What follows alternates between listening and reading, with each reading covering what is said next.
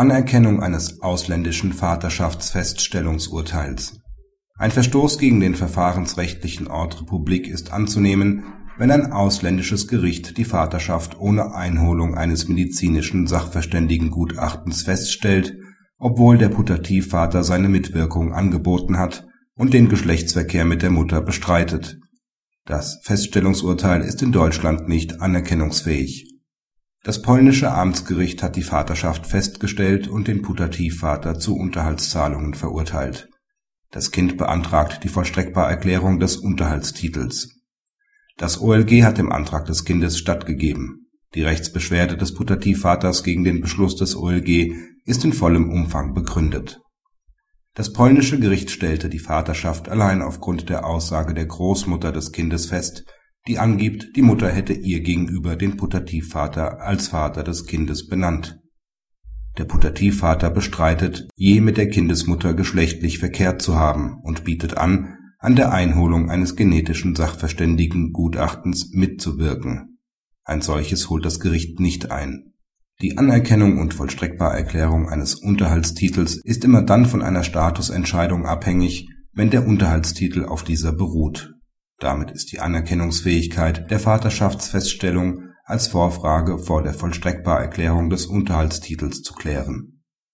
Nach Artikel 33 der Brüssel-I-Verordnung werden Unterhaltsentscheidungen unmittelbar anerkannt. Die Vorfrage der Abstammung darf nur noch bei besonders gravierenden Verstößen gegen den Ort Republik überprüft werden die Anerkennungsfähigkeit der Statusentscheidung richtet sich nach dem innerstaatlichen Recht des § 328 ZPO. Die Brüssel-I-Verordnung und das Haager Übereinkommen über die Anerkennung und Vollstreckung von Unterhaltsentscheidungen sind sachlich nicht anwendbar. Auf die verbürgte Gegenseitigkeit gemäß § 328 Absatz 1 Nr. 5 ZPO kommt es nicht an, weil die Feststellung des Bestehens des Eltern-Kind-Verhältnisses betroffen ist der BgH bejaht einen besonders gravierenden Verstoß gegen den verfahrensrechtlichen Ort Republik, obwohl dieser nur in Ausnahmefällen angenommen werden kann. Eine Abweichung von zwingenden Vorschriften des deutschen Verfahrensrechts reicht nicht aus. Das Gebot der Menschenwürde ist verletzt, wenn einem Verfahrensbeteiligten die Möglichkeit der Gestaltung und Beeinflussung des Verfahrens verwehrt wird.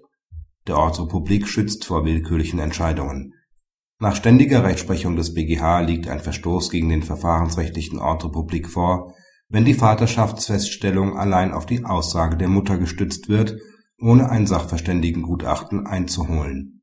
Vorliegend wurde die Entscheidung sogar lediglich auf eine Aussage vom Hörensagen gestützt, anstatt das vom Putativvater angebotene unmittelbare Beweismittel des genetischen Sachverständigengutachtens einzuholen dem Einwand des Verstoßes gegen den verfahrensrechtlichen Ort Republik steht im vorliegenden Fall nicht entgegen, dass der Putativvater gegen die Entscheidung des polnischen Amtsgerichts kein Rechtsmittel eingelegt hat. Dieser hatte keine Kenntnis von der Entscheidung, da er außer in Form einer Vernehmung im Wege der Amtshilfe nicht am Verfahren beteiligt wurde und auf die Einholung eines Sachverständigengutachtens vertrauen durfte. Praxishinweis die Anerkennungshindernisse des § 328 ZPO sind seit dem 1.9.2009 in § 109 FamFG geregelt. Das Anerkennungshindernis der fehlenden Verbürgung der Gegenseitigkeit gemäß § 328 Absatz 1 Nr. 5 ZPO findet sich jetzt in § 109 Absatz 4 FamFG und ist nur in den abschließend aufgezählten Familiensachen einschlägig die Vaterschaftsfeststellung erfordert auch nach neuem Recht keine Verbürgung der Gegenseitigkeit